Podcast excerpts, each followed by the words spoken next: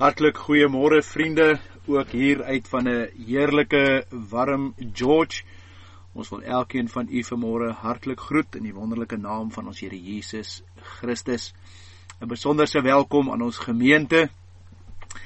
'n Mens verlang, 'n mens, ek sê ver oggend vir iemand vroeg uh met wie ek in gesprek was, 'n mens het 'n verlange in jou hart. Dis een ding om hier te preek en vir 'n leë gehoor voor jou te preek. Maar 'n mens verlang na elke gesig. 'n Mens verlang om die stemme te hoor. Mens verlang om te hoor wanneer die kerk van Jesus saam sing. Dis tog lekker. Dis lekker om te hoor as die stemme verenig. Altyd 'n voorreg en baie dankie ook dat u my die geleentheid gun om vanmôre ook daar in u huis in u teenwoordigheid te mag wees, ook in hierdie oggendediens waar ons ook eer aan die Here gaan bring. Net 'n paar afkondigings. Nou ja, vriende, ons weet nie hoe lank hierdie lockdown nog gaan wees en wat presies dit gaan behels as dit die 16de gelig word nie, maar ons sal u as kerkraad op hoogte van sake hou. Soos wat ons nuwe inligting kry, sal ons dit ook weer aan u deurgee. Ons vra nog steeds ernstige voorbereiding vir almal op ons siekelys. Ja vriende, ons weet daar is mense wat gebuk gaan onder kanker en daar's ander wat onder ander dinge gebuk gaan, maar ons wil vra dat jy elkeen in besonder, al kan jy nie al die name onthou of die name dalk sien op hierdie stadium soos op die blaadjie nie, dan wil ons vir u maar net vra bid vir elkeen dat die Here hulle ook in hierdie tyd sal deerdra. Dankie vir getroue gebede. Daar het goeie getuienisse teruggekom. Dankbaar vir elkeen wat vir Dominee Bil gebid het en hy sterk baie goed aan en hy's weer om ou self met grappies en al die dinge. So maar baie dankie ook vir elkeen wat vir hom gebid het. Dan vriende, ons gaan nog steeds elke aand voort vir die 21 dae om vir u boodskappe te bring. Op hierdie stadium is ons besig om te praat oor Here leer my bid uh by die geleenthede in die aande. U is baie welkom om ook lewendig in te skakel half 7 elke aand. Nou ja, dan wat ons verjaarsdag aanbetref, hierdie week wonderlik om dit saam met u te kan vier. Uh Rietjie Geldenhuys vandag die 5de, Peer Benadi vandag en dan ook vandag Flip van Grenen en dan die 8ste dan die Trini Negrini en die 10de Lit Diedriks, Lis Diedriks. Baie geluk aan elkeen van u in hierdie week. Mag die Here u ryklik seën, mag dit vir u 'n wel aangename tyd ook wees. Ek weet u kan nou nie regtig tyd saam met familie spandeer nie, maar baie baie geluk en weet ons dink ook aan u in hierdie besonderse tyd van u nuwe lewensjaar. Mag die Here u ryklik daarin seën. Here soos die hand van die slaaf gerig is op sy meester en die hand van die diensmaagd gerig is op haar meesteres. Here, so wil ons ons oog vanaand vestig of vanoggend vestig op U, o Here. U wat ons God is. U wat ons Skepper is. U wat ons verlosser is. U wat die een is wat vir ons die uitkomste gee en U die een wat by ons is. Dankie Here dat ons vir hulle kan intree wat siek is, vir hulle wat benoud is. Here, ons dink aan ons personeel by die weermag, by die polisie, by die ambulansdienste. Here, hulle wat as verpleegsters en susters op verskillende plekke werk.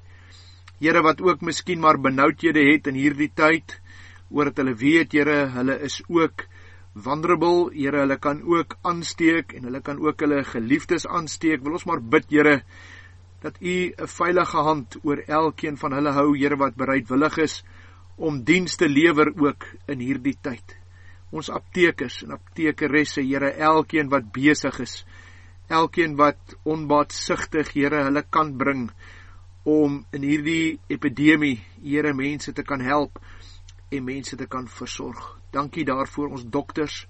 Ja, Here, elkeen wat betrokke is by hierdie saak, wees U met elkeen van hulle. Dankie dat ons saam met hulle wat vandag verjaar en later in die week, Here, ook hierdie besonderse dag kan vier.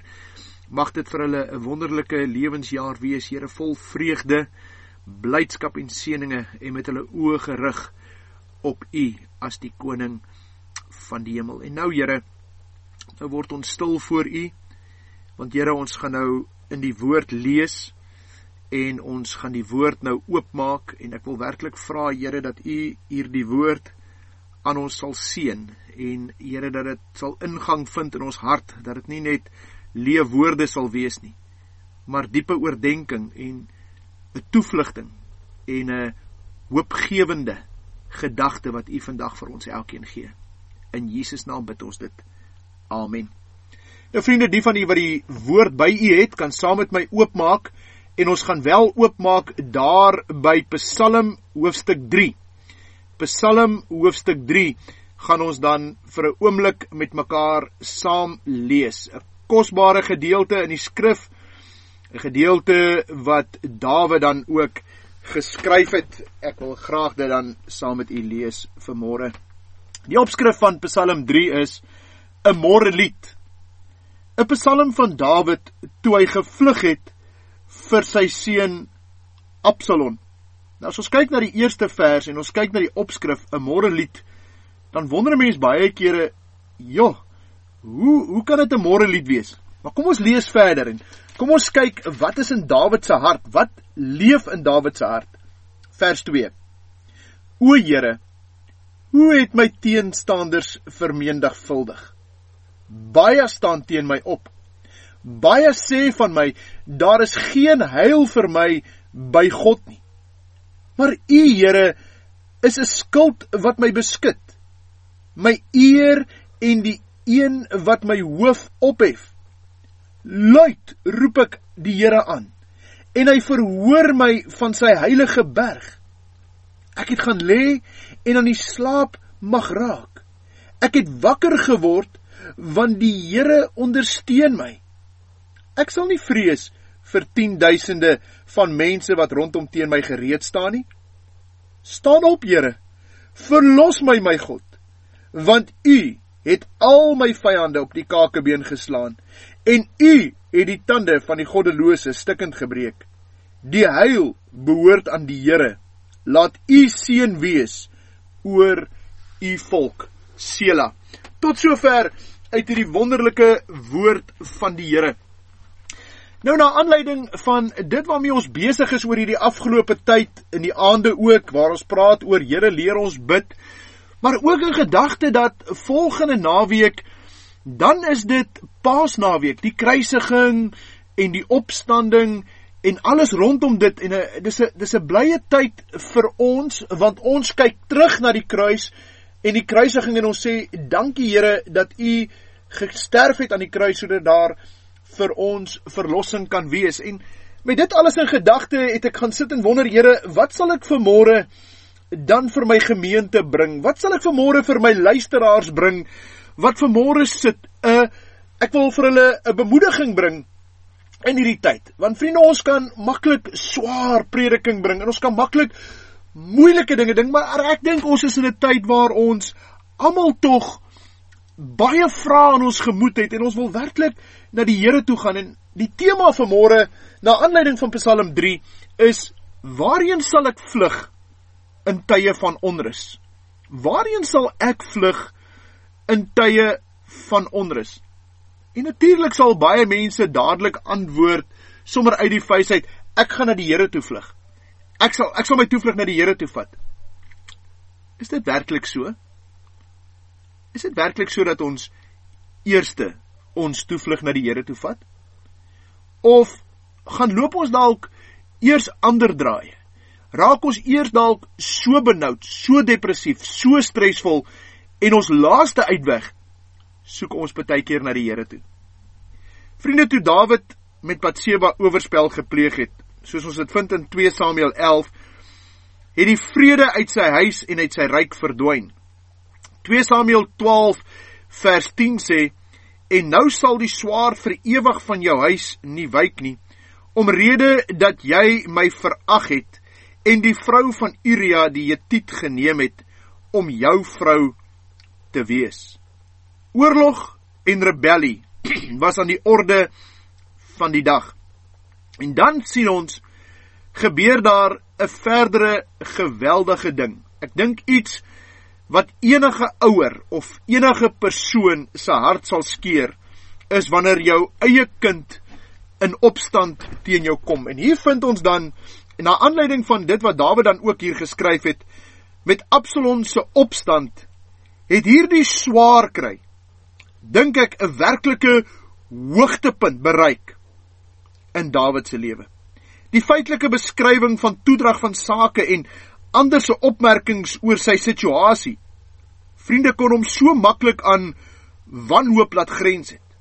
Want hy dan so baie vyande en nie net sommer enige vyand nie, sy eie seun van murg en bene teen hom opgestaan en wil hom nou doodmaak. En gemeet aan wat die mense sê, wil dit volgens hulle blyk asof Dawid deur God verlaat en verwerp is en daarmee sonder hoop vir die toekoms is. Maar vriende, hoe dank ek die Here vir oggend. Hoe dank ek die Here vir môre met blydskap in my hart. God laat die wat by hom hulp vra nooit in die steek nie. As jy en ek bereid is om op te staan en uit te gaan en na die Here toe te gaan en vir hom te vra om hulp. Met ander woorde, wanneer ek in tye van onrus na hom toe vlug, sal hy ons nie in die steek laat nie. Hoor wat staan in Psalm 9 vers 11 en 13. En hulle wat u naam ken, sal op u vertrou. Omdat u wat u soek, nie verlaat nie, o Here. Want hy wat die bloed soek, dink aan hulle Hy vergeet die geroep van die elendiges nie. Nou vriende, vanaand mag of vanoggend mag dit dalk voel of ek en jy in elende is. Vanoggend mag dit voel of ek en jy in hierdie onrustige tye nie regtig weet watter kant toe nie. Maar hoor hierdie mooi woorde van Psalm 9. En hulle wat u naam ken, sal op u vertrou omdat u die wat u soek nie verlaat nie, o Here. Wat 'n belofte. Eintlik kan ek hier stop en ek kan hier sê amen. Kom ons sluit af. Want vriende, dit is so insiggewend om te weet dat die Here hier is vir jou en my.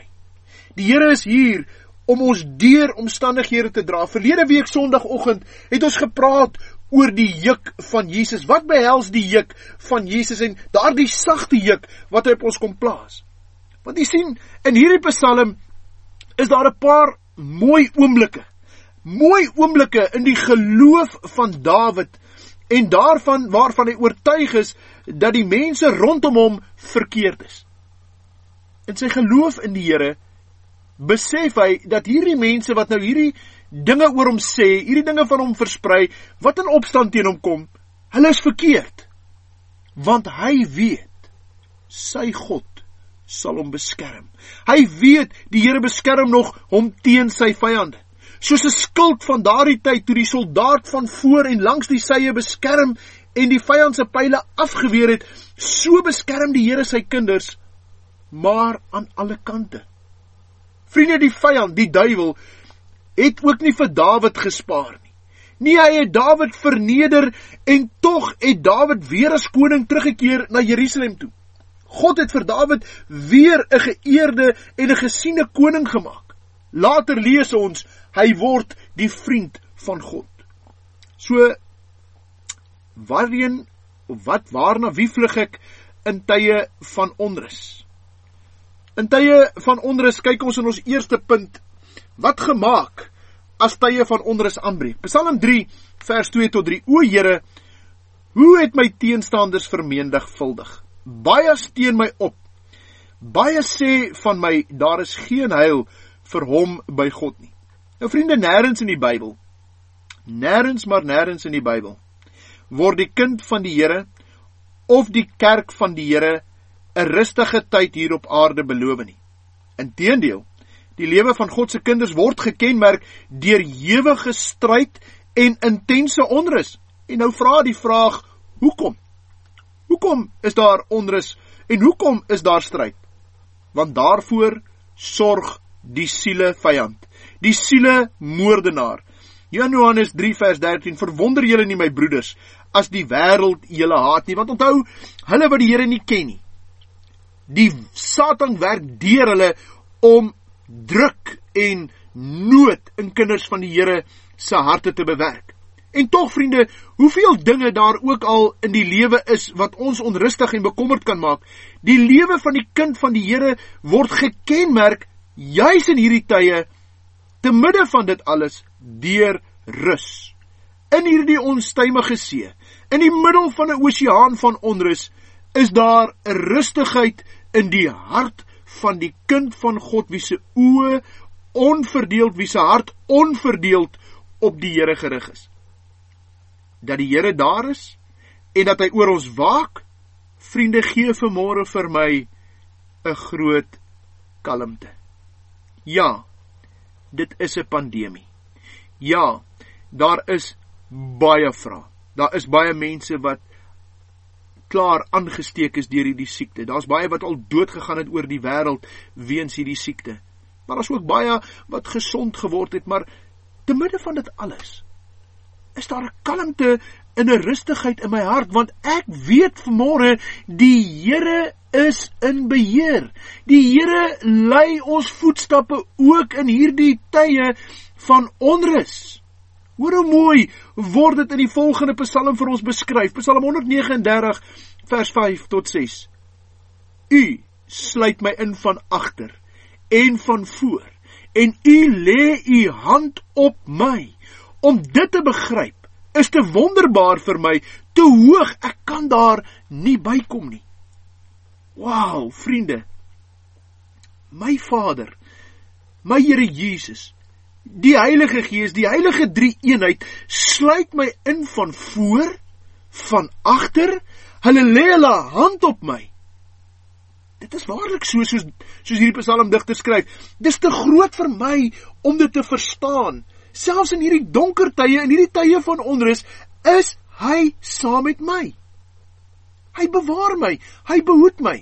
Beteken dit nou ek moet onverskuldig wees en soos baie mense in die strate gaan rondkarjakkers sonder maskers en handskoene en sommer net aangaan asof niks met hulle kan gebeur nie? Nee, verseker nie, die Here gee vir ons 'n brein. Die Here gee vir ons intellek om te kan dink. Maar in dit alles selfs sou dit beteken ek moet die virus kry. Nie omdat ek onverskuldig was nie, maar omdat oor my pad gekom het dan is daar 'n rustigheid in my hart omdat ek weet die Here het dit toegelaat en hy sal ook in daardie omstandighede met my wees. Die tyd waarin hierdie Psalm gedig is, was seker die onrustigste tyd en onseker tyd in Dawid se lewe. Nie eers toe Saul hom gejag het, was dit vir hom so moeilik soos nou wanneer sy eie seun op sy lewe jag maak nie. Die opskrif sê presies vir ons wanneer Dawid dit geskryf het toe hy gevlug het van hierdie seun van hom. Vriende, dit was 'n tyd toe Absalom 'n revolusie teen sy vader gestook het en probeer het om hom te ontroon. In vers 2 en 3 vertel Dawid hoe ernstig die toestand was. O Here, hoe het my teenstanders vermenigvuldig, baie staan nou teen my op. Groot getalle was sy volk het die kant van sy seun gekies. En nie net dit nie, vriende, iemand wat baie naby aan sy binnekring was, sy vernaamste raadgewer Agitofel, het die kant van sy seun gekies.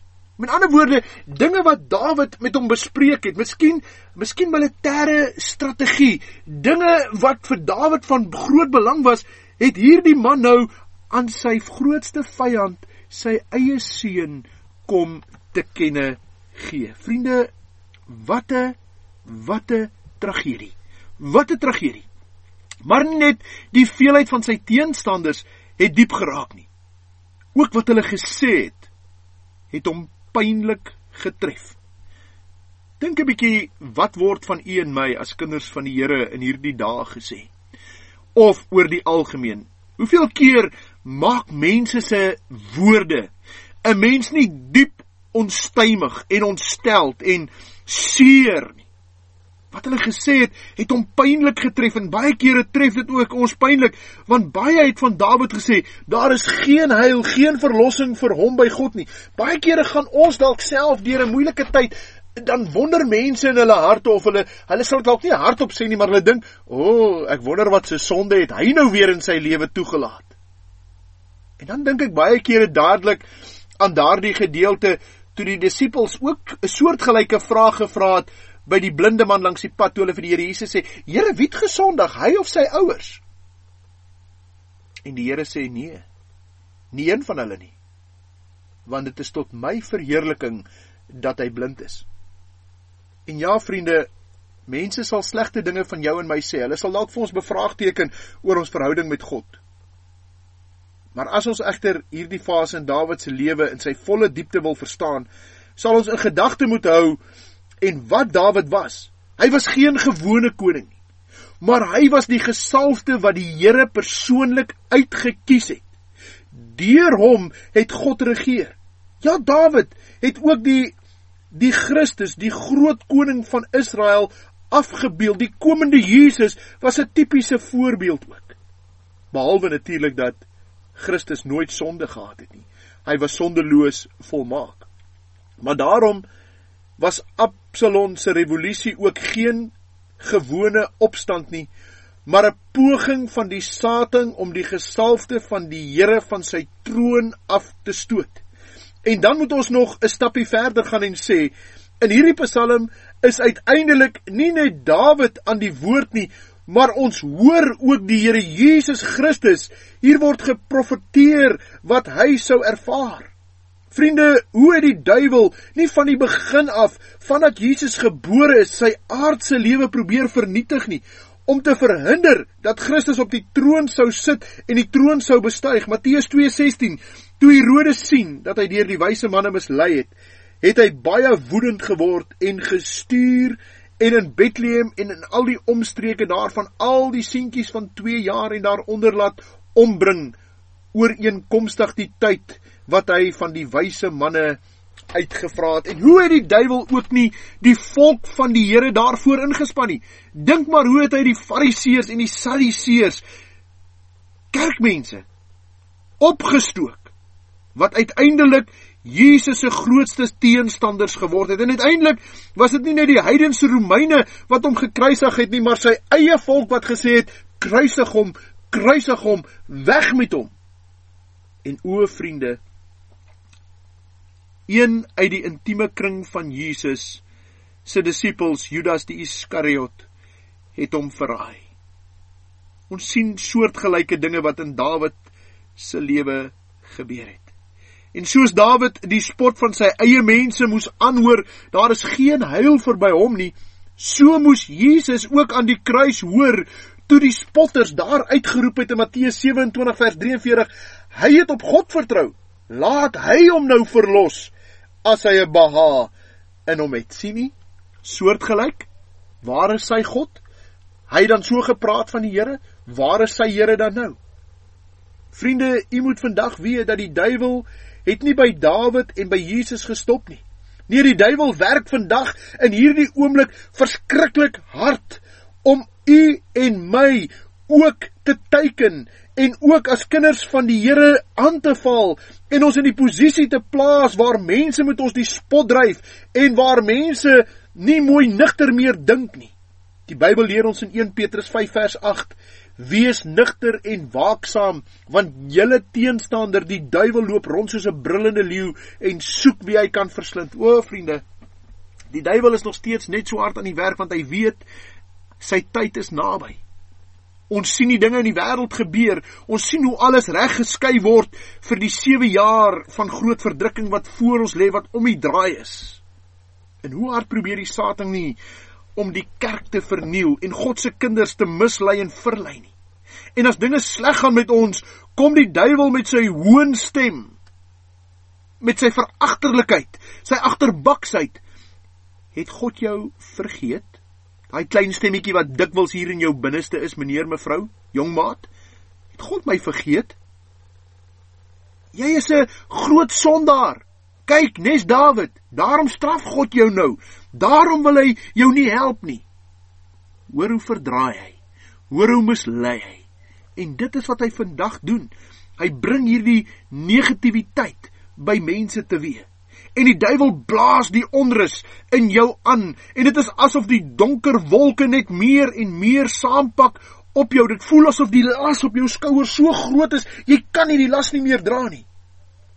Ek wil vanoggend jou bemoedig, staan vas, kyk op en vertrou volkome op die Here, jou God wat jou die uitkoms sal gee. Broer, suster, vriend, vriendin, oom, tannie, jong mens, kyk op.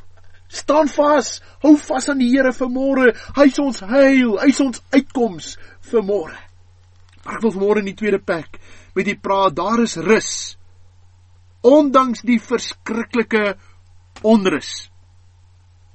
Twee teenpole, rus en onrus. Vir die kinders van die Here is daar vir môre rus ondanks die verskriklike onrus en pandemie en dinge wat daar buite aan die gang is. Psalm 3 vers 6. Ek het gaan lê en aan die slaap mag raak. Ek het wakker geword want die Here ondersteun my. Nou ja, wie van ons ken dit nie? Slapelose nagte as gevolg van intense druk, kommer, benoudheid, kom ons noem dit wat dit ons wil, stres, ouers wat nie kan slaap nie as gevolg van sorg oor hulle kind, gelowiges wat tot in hulle siel toe onrustig en besorg is oor die toestand van medefamilie. Die onrus van die lewe besorg ons baie kere onrustige nagte, broer en suster. Ons kan nie daarby verbykom nie. Elkeen van ons gaan een of ander tyd ook deur hierdie stadium van onrustigheid. Onrustigheid. En daarom kan ons vanmôre ook met mekaar saamstem. Ons moet gaan kyk hoe Dawid en hoe Christus gereageer het op hierdie geweldige onrus tydperk in hulle lewens. En die merkwaardige is by hulle vind ons geen onrus in die sin van daardie diepe bekommernis nie, maar ons vind juis 'n heerlike rustigheid. Hulle omstandighede het nie verander nie. Hulle omstandighede was nog steeds onstuimig en donker, maar daar was 'n diepe rustigheid in hulle gemoedere. Vers 6. Ek het gaan lê en aan die slaap mag raak. Is dit nie ongelooflik nie?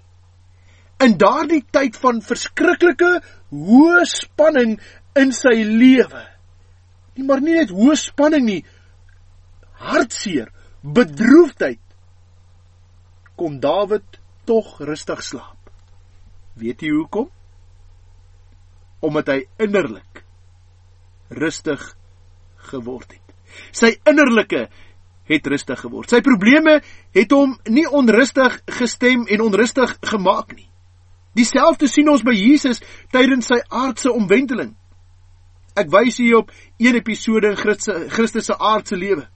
Ons Here Jesus en sy disippels was in die skei op weg na Gadara toe 'n groot storm opgesteek het. So erg was dit dat die skei toe onder water en golwe wou vergaan. Jy kan maar die verhaal gaan lees daar in Matteus 8 vers 23 tot 27. En wat sien ons van Jesus? Hy was nie bekommer nie. In sy menslike um, ondervinding was hy nie bekommerd nie. Hy was aan die slaap, rustig agter in die skei. En dit het ons laat besef. Vriende, Satan se poging om te verhoed dat Jesus by die duiwel besetenis van Gadara sou uitkom? Nee, daar staan hy het vasgeslaap. Hoekom? Hy was rustig. Hy het nie gegaan omdat hy onrustig was nie. Hy was rustig en dit laat 'n mens dadelik vra na die geheim van Dawid en die Here Jesus. Hoekom het hulle hierdie rustigheid gehad? Wat was hulle geheim?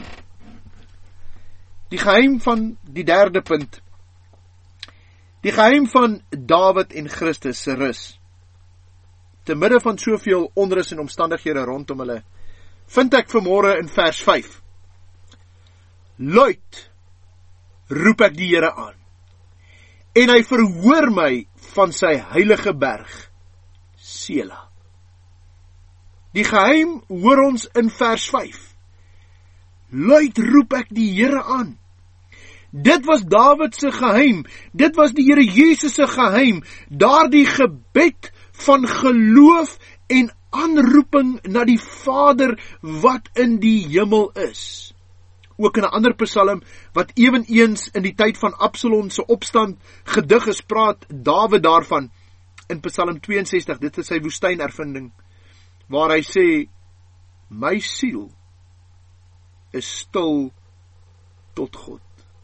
My siel is stil tot God.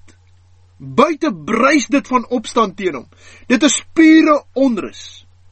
Maar innerlik is dit stil en rustig by Dawid en dan wys hy ook daardie weg van sy medegelowiges. Vertrou op hom altyd o volk. Stort julle hart uit voor sy aangesig. Wat sê hy vanaand of vanmôre hier vir u en my? Hy kom en hy sê vertrou op hom altyd o George gemeente. Vertrou op hom altyd o Suid-Afrika se bevolking. Stort julle hart net weer uit voor sy aangesig. Al is dit hoe moeilik, bly net glo dat die Here jou die ware uitkoms sal gee. Vriende, maar dit was nie net Dawid as gebedsman nie. Hy het ook vertrou dat God hom sal verhoor. Hy het nie net geweet of geweet van bid nie. Hy het nie net geweet hy moet na die Here toe gaan nie, maar hy het ook vertrou dat die Here hom sal verhoor. Onthou jy wat ek een aand in die week gesê het? Ek het gevra: "Glo u wat u bid? Glo u werklik wat u bid?" Want hoor maar wat sê hy? Luid roep ek die Here aan en hy verhoor my van sy heilige berg. Vriende, op hierdie stadium was hy nog nie uit sy omstandighede nie. Sy probleme was nog nie opgelos nie, maar hy glo vas in sy hart dat die Here hom verhoor het en dat die Here op sy tydstip en op sy tyd hierdie probleem sal oplos. So seker was Dawid dat God hom sal verhoor. Dat hy dit kan sê asof dit klaar gebeur het. En vriende, dit moet vir u en my 'n les en 'n aansporing wees om Jesus Christus ook volkome te vertrou in jou tye van onrus. Miskien nie vandag nie, miskien is jy rustig tydens hierdie pandemie, maar dan gaan 'n tyd vorentoe kom wat jy gaan terugdink aan hierdie Psalm en vir jouself gaan moet sê, ek moet rustigheid vind in die Here. Vriende, luister gou hierna. Hoe kon Dawid verskriklike sondaar wat hy was, so seker wees dat die Here hom sal verhoor. Dit lê opgesluit in daardie woorde. Hy verhoor my van sy heilige berg. Nou daar op die berg Sion het die Here in die midde van sy volk gewoon. Daar het die ark gestaan en daar het die priesters daagliks die offers gebring om die sondes van die volk te versoen. Ja, die heilige berg het gespreek van daardie groot offer wat uiteindelik op Golgotha sou plaasvind. Daardie offer was seker, die Here sal my verhoor. Die Here sal my verlos. Daarvoor het hy ook aan die kruis gesterf. En na Dawid hierdie gebed uitgespreek het, volg die woorde van ons teks. Ek het gaan lê en aan die slaap mag raak. Die gebed, vriende, het hom rustig gemaak. Ek het al gevind in my lewe dat dikwels as ek onrustig gestem is in my binneste of ek word in die middel van die nag wakker en ek begin bid en ek soek die Here en ek praat met die Here terwyl ek besig is om te bid iewers gedurende hierdie gebed dan raak ek weer rustig aan die slaap. Want gebed bring rustigheid by jou en my. Hy het vertrou dat sy lewe, Dawid het vertrou dat sy lewe veilig is in die Here se hande. Hy dalk in daardie oomblikke teruggedink aan daardie groot groot dag toe hy as 'n jong seun voor die reus gestaan het. Of voor die beer of voor die leeu en hoe die Here hom kom verlos het. En vriende baie keer moet u en ek dalk net bietjie terugkyk. Ook in ons lewens en onsself net bietjie gaan herinner oor hoeveel keer het die Here ons nie al kom uitred nie. Hoeveel keer het die Here ons nie al kom verlos uit die storms wat in ons lewens aan die gang was nie? Hoor maar hoe straal Dawid se vertroue uit die woorde van vers 7. Ek sal nie vrees vir 10 duisende van mense wat rondom teen my gereed staan nie. Hy sê dit met soveel sekerheid. Ek sal nie vrees nie. Al is daar 10 duisende van my vyande. Al is daar 10 duisende rondom my, ek gaan hulle nie vrees nie. Later lees ons skryf Dawid met my God loop ek 'n bende storm. Met my God spring ek oor 'n muur. God weet wanneer ons in die moeilikheid is. En al wat hy van ons vra is, is om in hierdie gebed na hom toe te kom vir daardie beskerming, vir daardie uitkomste. Hy wag vir môre op jou en my. En hoe groot die oormag ook al mag wees, hoe sterk die vyand is, vriende, Dawid wys vir ons en hy het geweet die Here is daar en is by magte om hom ook te bewaar. En vandag, soveel jare later, is die Here ver oggend nog steeds by magte om jou en my te bewaar, om jou en my uit moeilike omstandighede op te tel en vorentoe te vat. Ons moet ons nie laat onderkry deur al die nuus. Vriende, ek wil u waarsku, daar's soveel fopnuus, fake news, soveel proklamasies en dinge wat nou op die nuus rondgaan en WhatsApps wat rondgestuur word. 'n Mens vra, Here, wat is die waarheid en wat is nie die waarheid nie? En skielik begin daar 'n onrustigheid. Vriende, raak stil voor die Here. U en ek weet as kind van die Here, hierdie dinge moet kom. Hierdie dinge moet gebeur. Matteus 24, die Here het gesê julle sal hierdie dinge sien, maar weet dis nog nie die einde nie. Dit moet kom, vriende. Maar in dit is ons rustig gestem want u en ek is in die hand van die Here. Ons is in sy hand. Maar nou wil ek hier weer die lyn deurtrek ook na Christus toe. Dit was 'n kenmerk van ons Here Jesus se lewe hier op aarde dat hy telkens gebid het. So sien ons kort voor die swaarste oomblik in sy lewe daar bid hy in die tuin van Getsemane: "O Here, o Vader, as dit U wil is, laat hierdie beker by my verbygaan." En wanneer die oomblik aanbreek dat hy nie maar net gewoon gaan slaap nie, maar gaan ontslaap, gaan inslaap in die dood, dan hoor ons hom bid. Ja, wanneer die nag van die dood oor ons Here Jesus daal, dan bid hy die gebed van sy Vader, van sy grootvader Dawid uit die bloedlyn waaruit hy gebore is, van Psalm 31 vers 6. Vader, in U hande gee ek my gees oor. Dan bid hy die gebed wat ook die aandgebed was wat die Joodse kindertjies gebid het voordat hulle gaan slaap het. Dan lê die seun van God sy lewe in die hande van sy hemelse Vader en hy doen dit met absolute vertroue dat sy Vader hom weer gaan opwek en saam met hom ook in hierdie sterwensuur ook sal wees. Maar ek wil dit ten slotte wys op die heel besondere einde van hierdie gebedspsalm in ons punt 4. Dawid eindig met die woorde: Laat u seën wees oor u volk. En weet u vriende, daarin was Dawid ook 'n voorbeeld van ons Here Jesus Christus. Hieruit mag ons tot ons grootste troos leer, die grootste koning, die grootste opperherder van die wêreld se skape bid vir sy volk. En onthou u eergisterand het ek juis oor hierdie gedagte gepraat met u. In die verband kyk ons weer na die Nuwe Testament in Johannes 17. Die opskrif daar lei die gebed van Jesus vir sy disippels. Vriende, dit is 'n gebed wat die Here vir sy disippels gebid het terwyl hy nog op die aarde was, maar dit is ook meer.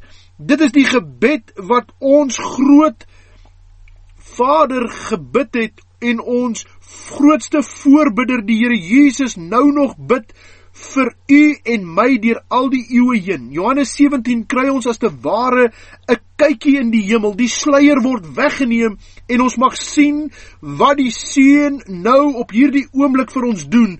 Hy pleit by ons Vader, by die hemelse Vader, pleit hy vir u en my. Ons hoor hom bid dat die Vader ons van die bose sal bewaar. Johannes 17 vers 9. Ek bid vir hulle Ek bid nie vir die wêreld nie, maar vir die wat U my gegee het omdat hulle aan U behoort. Hoor hoe bid Jesus vir hulle en vir ons. Johannes 17:15. Ek bid nie net dat U hulle uit die wêreld wegneem nie, maar dat U hulle van die bose bewaar. En weet u vriende, hierdie gebed word altyd verhoor. Want ons hoëpriester, die Here Jesus pleit dus op grond van sy eenmaal volbragte werk aan die kruis. Vader, wil U hulle bewaar omdat ek hulle vir U betaal het. Dit is die mees volmaakte pleitgrond, vriende, waarop ons kan staan. Daarna luister die Vader altyd. Die offer van Golgotha is die vaste waarborg en onfeilbare versekering dat die Vader die gebed van ons Here Jesus sal verhoor en ons inderdaad sal bewaar. Daarom is die kinders van die Here se toekoms gewaarborg en daarom is die volk van die Here so veilig as wat maar kan kom.